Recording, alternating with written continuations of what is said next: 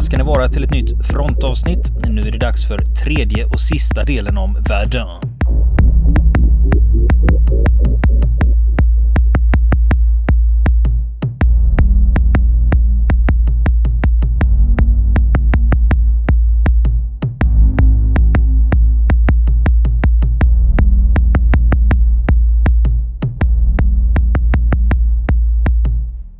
Vi framme vid den 7 juni 1916. Efter stenhårda strider i Fort Vaux har till slut den franske majoren Reynal kapitulerat till tyskarna. Av sina 600 man har Reynal bara 250 kvar i stridbart skick och tyskarnas förluster i döda och sårade överstiger 2700. Men det är inte utan att tyskarna beundrar major Reynal och hans truppers stridsvilja. Och Reinaldo, det, han, det här försvaret av vår, det blir även uppmärksammat på den tyska sidan då, att det har varit så hårdnackat försvarat. Så han blir förd direkt till befälhavaren för den tyska armén på plats, kronprins Wilhelm. Det är ju kutym då att en kapitulerande officer på den här tiden överräcker sin värja, sin officersvärja till segraren. Reinald, han eh, har ingen värja. Den har han gått förlorad i striderna. Varpå kronprinsen räcker över en värja till honom som slags erkänsla för ett tapper strid. Så mitt i allt i det här industriella dödandet som pågår vid Verdun då, fullständigt ansiktslösa slakten på människor så finns det fortfarande officerare som håller på någon slags ridderlighet i strid, de här gamla idealen då. Och runt om så pågår det ju också andra strider som jag kanske vi bara ska behandla i korthet här. Men andra kända namn då, kända geografiska namn. Det är till exempel Toterman, kallas på tyska och Mortom. Dödemannen. En kulle norr om Verdun som det står extremt hårda strider om under våren 1916. Det var en kulle med två toppar då, höjd 265 och höjd 295. Vet du varför de kallar, har sådana siffror i det militära? Jag tänker så mm. här. Att, ja. Eh, att du pekar ut dem. Det är ju för att man inte ska kunna ta fel. Exakt. Men va varför får den just den siffran? Varför just den ja. siffran ja, som exakt. du nämner här? Ja, exakt. Varför? Det här, är, det, här är väldigt, det här är väldigt vanligt inom det militära. Man nämner höjder med siffror på det här sättet. Nej. Höjden inte. över havet. Oh, det, för det är det som står på kartan. Ja, exakt. Och då, då blir, det, då blir det där, och då får den heta så. Höjd 200, 265 och det är höjd 295. En vanlig terminologi i det militära då. För mm. att benämna terräng. Det ser man. Jag, har jag lärt mig någonting. Mm. Ja. Och den, eh, den, by, den bytte ägare då flera gånger under de här striderna, den här kullen. Toterman. Den kallades inte Döde mannen på grund av Verdun. Utan det är ett namn som är flera hundra år gammalt. Därför att man på 1500-talet hittade en död man på den här kullen som man aldrig kunde identifiera vem det var. Och därför fick den namnet Döde mannen, då den här, den här kullen. Ja, jag känner igen det namnet, mm. det är med i Nationalteatern-låten Aldrig mera krig som ja. Totta Näslund sjunger i Tältprojektet. Ja, just det, just det. Då rabblar han upp massa kända ja. slagfält ja. och då är Döde mannen med i den låttexten. Det. Och det är ett av de mest beryktade slagfälten kring Verdun. Är det. Och i början av april då så har man definitivt slagit tillbaka de tyska anfallen då. Fransmännen gjort och då utfärdar Petain en berömd dagorder. Som avslutas med orden Nu har vi dem. Och det har blivit en eh, känd fras då. Fransk militärhistoria. Då. Be mig inte uttala det på franska. Jag tänker inte ens försöka. Men det här, det här bidrog alltså. Eh, det här framgångsrika försvaret då under de första månaderna vid Verdun då, från februari till eh, april bidrog alltså till att eh, skapa en hjältegloria kring Petain då. Att han hade räddat Frankrike som han sa. Nyckeln till Frankrike, nyckeln till Paris. Och han var oerhört populär bland soldaterna eftersom att till skillnad från sina, många av sina generalskollegor inte satte in dem i meningslösa massanfall mot eh, tyska kulsprutor.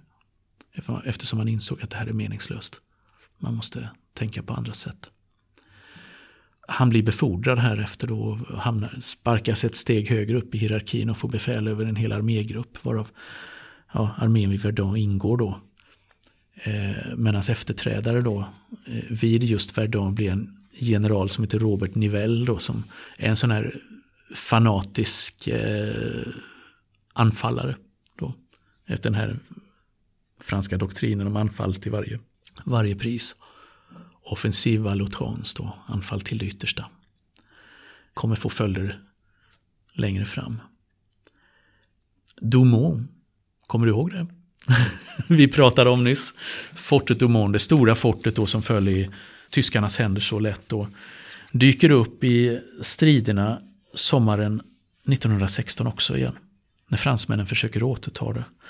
För efter att det har erövrats, det är militärt värdelöst egentligen. Alltså som en militär anläggning då, därför att kanonerna riktar åt andra hållet. Så att det kan inte användas för att skjuta mot fransmännen, men tyskarna kan använda det för att som förråd. Man lagrar ammunition, man lagrar sjukvårdsmateriel och man lagrar livsmedel. Man använder det som fältsjukhus. Och som eh, skyddsrum för trupper i närheten. Och för förstärkningar som är på väg in som kan ta beteckning där tills de har delats ut på rätt frontavsnitt och så vidare. Så sätt får det, gör det stor tjänst på det här frontavsnittet då för tyskarna. Till den 8 maj 1916, då inträffar en katastrof för tyskarna. En explosion inträffar i ett ammunitionsförråd. Och ingen idag vet exakt hur det gått till. Det finns olika, massor av olika teorier om förklaring till det här. Därför att ingen är i livet som kan berätta vad som hände. Cirka 800 soldater stryker med i den här våldsamma explosionen i fästningen då som förvandlar den till en halv ruin. På den franska sidan har man ju sett det här också. General Nivelle då som har efterträtt Petain. Han ser att aha, det hände något som inte var så bra för tyskarna där borta. Det ska vi utnyttja. Nu ska vi ta tillbaka det. Så att man förbereder ett motanfall mot eh, Dumont. Som för övrigt då av tyskarna kallades för kistlocket. Därför att där hade man tak över huvudet. Men annars, annars var det som en likkista. Och som en likkista blev det ju sen när det, den här explosionen inträffade i fortet då. Den 22 maj, det var ingen snabb reaktionstid här på detta. 8 maj inträffade explosionen. 22 maj går man till anfall efter några dagars artillerield dessförinnan. Då, för att utnyttja det här försvagade, tyskarnas då försvagade tillstånd där då. Att de tyska försvararna de kan inte reagera särskilt effektivt då på det här franska anfallet därför att de är avskurna från alla förbindelser bakåt. Och det franska artilleriet har skjutit sönder telefonledningar. Det finns ingen som kan närma sig fortet för alla granater som faller då.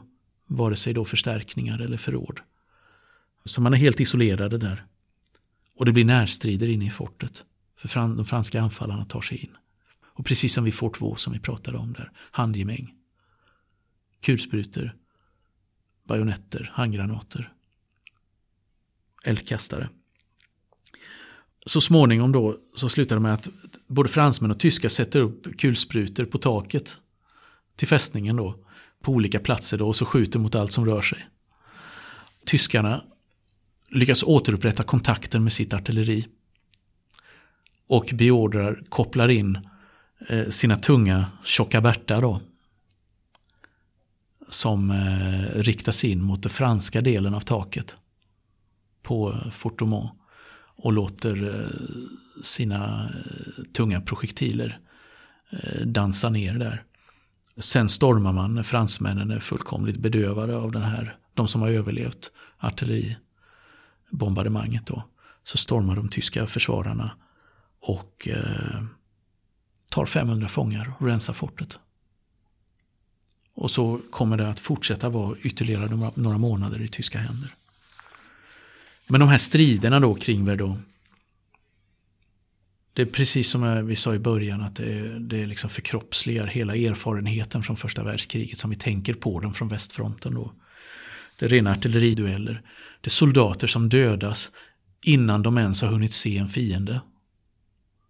Eller ens knappt ens hunnit komma till slagfältet. Sätta sin fot där. Så dödas de av artillerield eller gas. Och anfall som möts av motanfall. Fruktansvärt likstank. över slagfältet. En likstank som är så kompakt att vittnen, de överlevande soldater som var med har vittnat om att till och med vattnet och maten som transporterades in fick smak av lik. Så genomträngande och intensivt var det. Och var du än satte spaden i jorden så kom det fram kroppsdelar när du skulle gräva ett värn. Och när regnet föll så förvandlades hela det här månlandskapet till en enda stort lerfält som var nästan omöjligt att passera till fots. Så man har hela den här, ja, kan man säga 1900-talets industriella krigsmardröm på den här platsen vid Verdun. Som är en av de allra första platserna då det här utspelas på. Det har funnits platser som har varit mycket värre. När, slagfält under första världskriget som har varit mycket värre när det gällt antalet döda. Men Verdon Verdun har ändå fortsatt ha en särställning. Just, just på grund av den här, den här intensiteten och så vidare. Men tyskarna fortsätter anfalla. De fortsätter sina anfall vid Verdun ända fram till sommaren eh, 1916. De har hållit på att anfalla i vad blir det, mars, april, maj, juni, ja i fyra månader drygt. Ända fram till början av juli 1916. Då kommer man som allra längst, då kommer man upp på taket på ännu ett fort. Fortet närmaste kedjan efter, efter Vå. Och då, det är så långt västerut man kommer. Men där, sen avmattas alltihop. Anfallen ställs in. Och det beror på saker som händer på andra frontavsnitt och vid andra krigsskådeplatser. För i juni så har en stor rysk offensiv börjat på östfronten mot de allierade i Österrike-Ungern. Och det blir en fullständig katastrof för de österrikiska ungerska trupperna där. Så att eh, blir ett stort nederlag i södra Polen. Brusilov-offensiven kallas det. Vilket innebär att då måste man dra trupper bland annat från Verdun och skicka dem till östfronten för att stabilisera fronten där och hjälpa österrikarna. I början av juli så inleds också den brittiska offensiven vid Somme. Och där behövs det också förstärkning så då blir man också tvungen att dra bort trupper, ännu mer trupper från Verdun. För att förstärka fronten vid Somme. Så att det där upphör i stort sett då de, eh, de tyska anfallsföretagen och man går in i ett lugnare skede. Och eh, alla slickar sina sår ett tag. Tills fransmännen i oktober 1916 går till motoffensiv. Nu gäller det att ta tillbaka marken som tyskarna har erövrat. Så att där inleder man, inleder man ett anfall och det är den här generalen Nivell, då, en anfallsglad general. Han är artillerist själv men bestämmer att artilleriet ska inte spela en så stor roll, alltså med flera dagars utdragen artillerield som vi har gjort tidigare. Därför att eh, då ger vi dem väldigt mycket förvarning. Här gäller det en kort artillerield och sen snabbt in med infanteriet i anfall. Innan eh, man hinner göra några motåtgärder på den tyska sidan. Så att eh, han organiserar en artillerield som flyttas fram över slagfältet i takt med framryckningen. Som en ridå framför de anfallande trupperna. En eldvals brukar, brukar det kallas i historielitteraturen det här, att den rullar över fronten. Därför att när artillerielden då lättar så är redan anfallarna och, då, och försvararna kommer upp i sina skyddsrum eller där de har tagit beteckning så är redan anfallarna tätt in på dem. Men den här arbetar sig fram då enligt vissa, väldigt noggrant enligt vissa klockslag. Då som man har stämt av med artilleristerna att klockan si och så ska ni skjuta där. Fem minuter senare flyttar ni fram elden dit. Fem minuter senare så riktar ni om dit och så vidare. Så för att infanteriet ska följa bakom. Och det här lyckas i stor omfattning då. Man går fram då och man skjuter med väldigt stora, kraftfulla och träffsäkra pjäser. Bland annat sådana här mörsare då som är eh, 40 cm. Bland annat. Eh, så man får in flera fullträffar på de här försvarsanläggningarna som är i tyska händer. Den 24 oktober 1916 så återerövras Fort Aumont från tyskarna. Då, där fanns en eh, förbandsplats då, som tyskarna hade inrättat och en av de här största eh, franska kanonerna sätter en granat rakt i taket på fortet. Den tränger igenom det tjocka betongtaket och eh, dödar alla inne i fältsjukhuset. Man fortsätter skjuta med de här då var tionde minut. Det tar tio minuter att ladda om den här då mörsaren. Svårt att uttala det. Mörsare.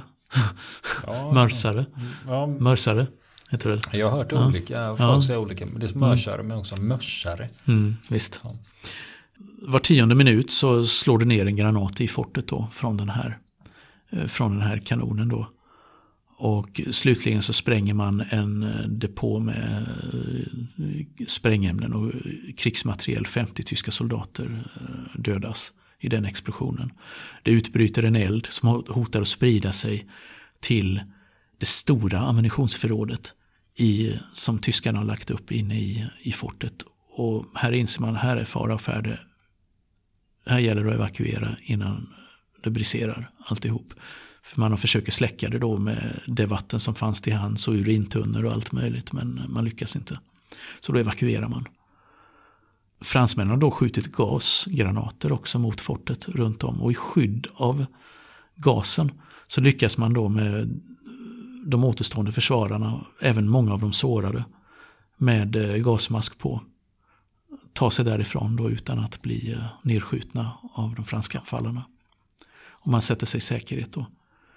Bara hundra man får det otacksamma uppdraget att stanna kvar i fästningen och försvara den. Det är allt möjligt och ändå försöka göra vad de kan för att släcka elden. Men eh, när de inser att äh, det här går inte så lämnar de också fästningen. Efter en stund så eh, inser tyskarna där då att men vänta, elden håller på att lugna sig. Hmm. Vi kanske ska skicka fram en patrull och kolla. Och då visar det sig att elden håller på, mycket riktigt håller på att mattas av. Det är inte längre någon akut fara för ammunitionsförrådet. Så att shit, vi måste skicka fram våra trupper igen. Om man går fram med en mindre styrka först då för att eh, hinna säkra så mycket som möjligt. Den styrkan hör man aldrig av igen. För att fransmännen hinner före. Och tar kontroll över fortet igen då. Och det här betraktas då som en stor framgång på den franska sidan då. Här slåss man om meter för meter mark.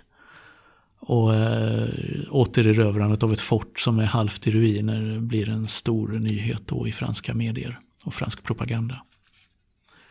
Lite senare så återerövras även det andra fortet. Fort Vaux, där han majoren Reinell var med sina brevduvor.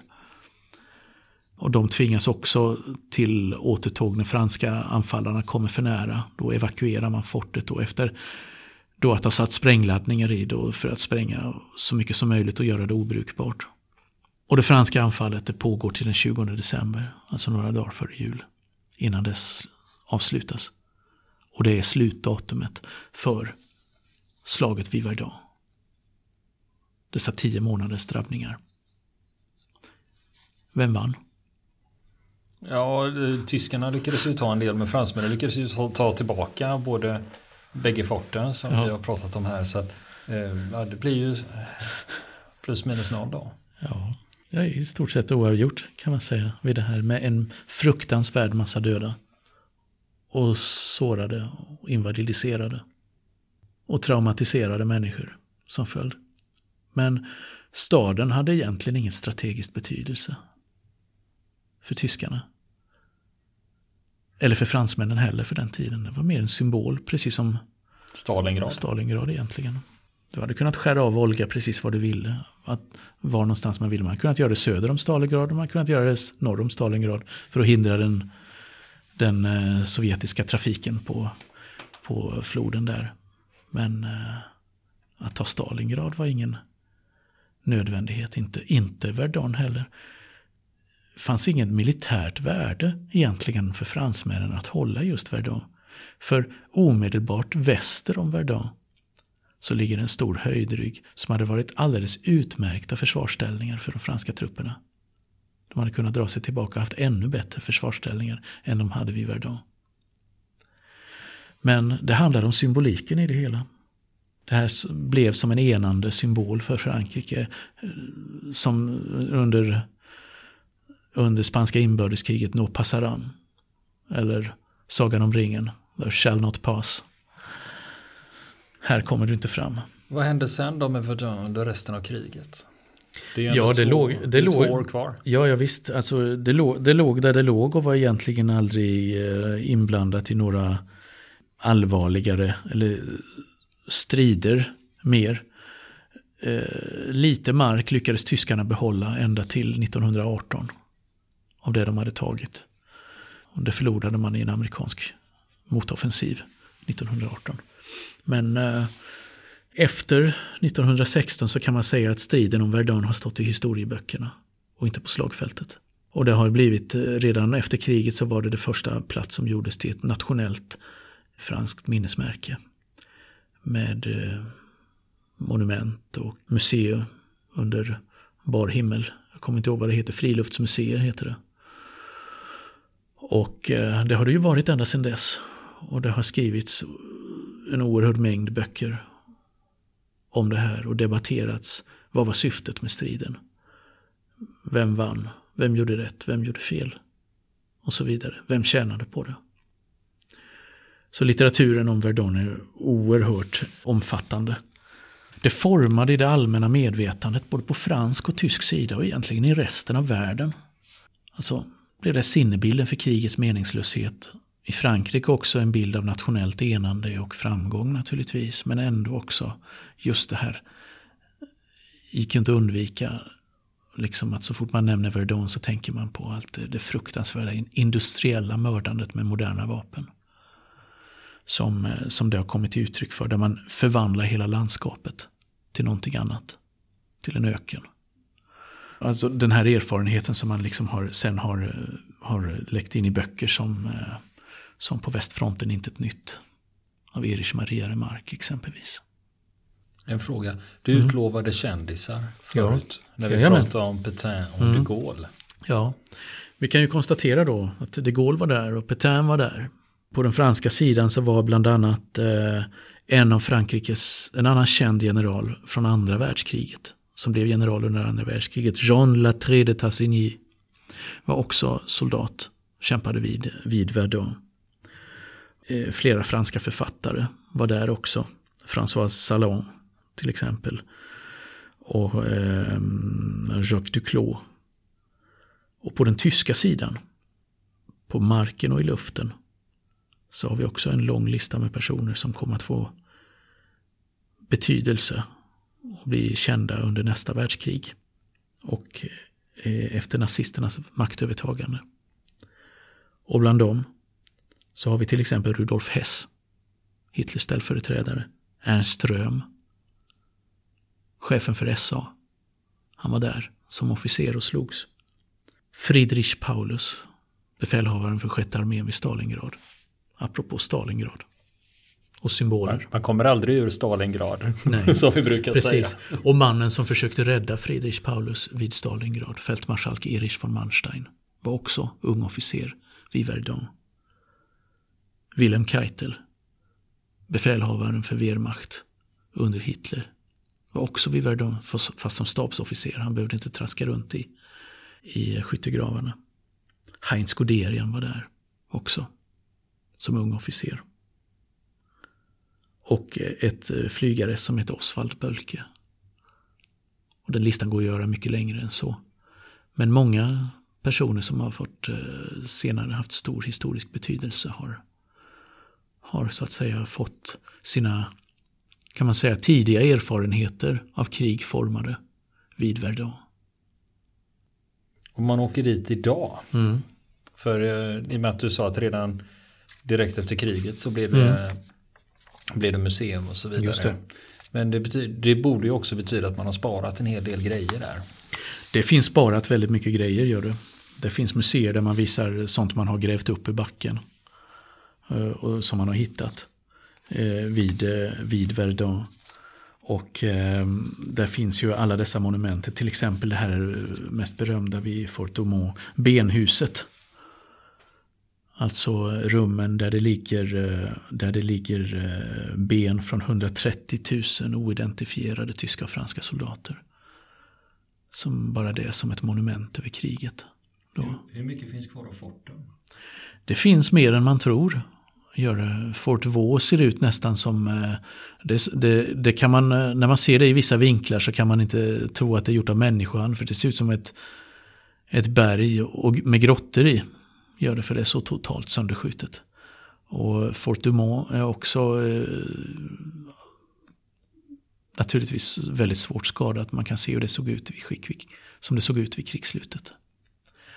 Och eh, det finns ju som visitor center på plats och eh, guidade turer när man är där. Och man kan åka eh, till Paris sedan Voie Sacré, då den heliga vägen. Som, eh, som, försörjde, som försörjde Verdun och var livlinan dit. Så att eh, det är, eh, det är väl ett utflyktsmål som man kan, om man är intresserad av sånt här, passa på att besöka under en bilresa i Västeuropa. Nu ska vi prata krigsfilm och nu ska vi prata om en brittisk film från 2014 som heter Kayaki. Och den utspelar sig i Afghanistan. Mm. Och Kayaki existerar i verkligheten och eh, ligger högst upp i Helmand-provinsen. Mm. Och det här är då based upon a true story. Mm. Och det handlar om Three Para. Ni vet när vi pratar om Goose Green mm. då pratar vi om Two Para. Mm. Och även Three Para var faktiskt med. Uh, bland annat stred om Mount Longdon. Men här handlar det om deras insatser uppe i Kayaki i Helmand-provinsen som var väldigt, väldigt oroligt område som britterna hade ansvar för. Mm. Det hände väldigt mycket grejer där under den tiden som de befann sig där. Och det som eh, är rent allmänt med Kayaki det är att det finns en stor damm med en kraftverksdamm som mm. kan, man kan försörja civilbefolkningen med elektricitet. Mm. Det är därför man bedömde det här området som viktigt och att britterna skulle hålla den här. Den här filmen skiljer sig från eh, de flesta krigsfilmer som man ser. För eh, det är inte stridigheter så som vi är vana vid att se dem. Utan det det handlar om det är att en av killarna i Three Para, han kliver på en mina i ett mm. minfält. Och då dyker direkt frågan upp. Hur ska vi göra med honom? Vi vågar ju inte gå och hämta honom. Det kan ju finnas fler miner. Och det är gamla miner det här som har legat där sedan ryssarna var där på 80-talet. Och så ser det ju ut i mm. Afghanistan. Jajamän. Att det är farligt att röra sig ja. i många områden. Och där ligger hur som helst en av soldaterna med ett avsprängt underben.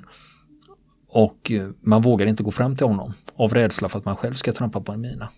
Och eh, den här filmen fortsätter i den här stilen hela vägen ända till slutet. Nu ska jag ju inte berätta slutet självklart. Men det är just eh, de moraliska problemen när någon ligger sårad.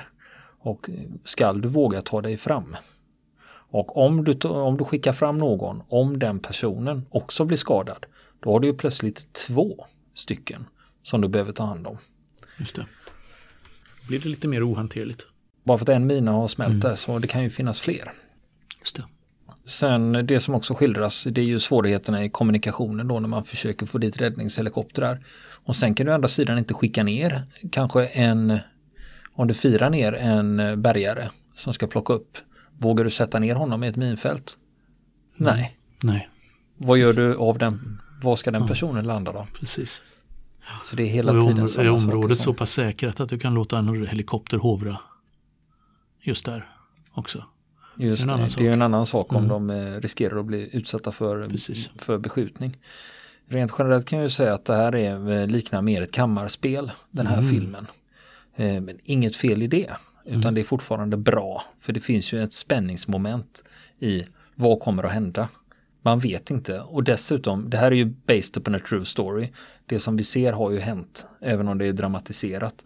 Och det är ofta så att eh, manusförfattarna i Hollywood kan aldrig någonsin hitta på en sån här historia. Utan eh, därför är verkligheten bättre ut, som utgångspunkt när man ska berätta dramatiska historier. Så den här håller ju väldigt, väldigt hög kvalitet. Och eh, jag har själv inte live sett minskador. Jag har däremot sett eh, ja, min militära grundutbildning. Då fick vi se fotografier på mm. minskador. Mm. Och så vitt jag kan bedöma så eh, ja det ser ju mm. för jävligt ut. Alltså, mm. Då var det, då var en, det var en blek 19-årig Robert Lindberg som sa fick se det i bildbandet mm. ska jag säga. Mm. Men så minskadorna ser ju extremt realistiska ut i den här filmen. Sen finns det en annan sak eh, att eh, när det gäller tillgång på filmer och sånt på internet, det är inte alltid de är, eh, det, ibland kan det vara svårt att uppbringa svensktextade versioner. Mm. Och mitt råd är att försöka se den här svensktextad. För den brittiska engelskan som de här soldaterna pratar kan vara svår att hänga mm. med på. Mm. Och då har jag ändå bott ett år i Yorkshire. Mm. Och där, där. så att, ja, visst. Så att, för... skulle, skulle man inte få tag på den svensktextade så kan man, om man får tag på en DVD, mm. faktiskt kolla på den med den engelska texten. Det är ju ett mycket lättare mm. sätt att Precis. faktiskt begripa vad folk om säger. Om det är för svår dialekt. Ja, precis. Mm. Sen när folk pratar snabbt och upprivet så mm. kan det också vara svårt att precis. uppfatta. Eller om det är slanguttryck. Och de flesta som har men i och för sig när det gäller så att säga de militära branschuttrycken, mm. de är ju de flesta av våra lyssnare med på. Mm. Så det är de ju vana vid, så det är inga Just problem. Det här är ju bara ett exempel på vad trupperna i Afghanistan kunde råka ut för och råkade ut för också, ska vi tillägga. Hur som helst, den heter Kayaki och är från Storbritannien och från år 2014. Vill ni komma i kontakt med oss så kan ni göra det via vår Facebook-sida som heter Fronten. Det är inga problem för er att leta er fram där. Eller också så mejlar ni på vår mejladress och det är frontenpodcastgmail.com.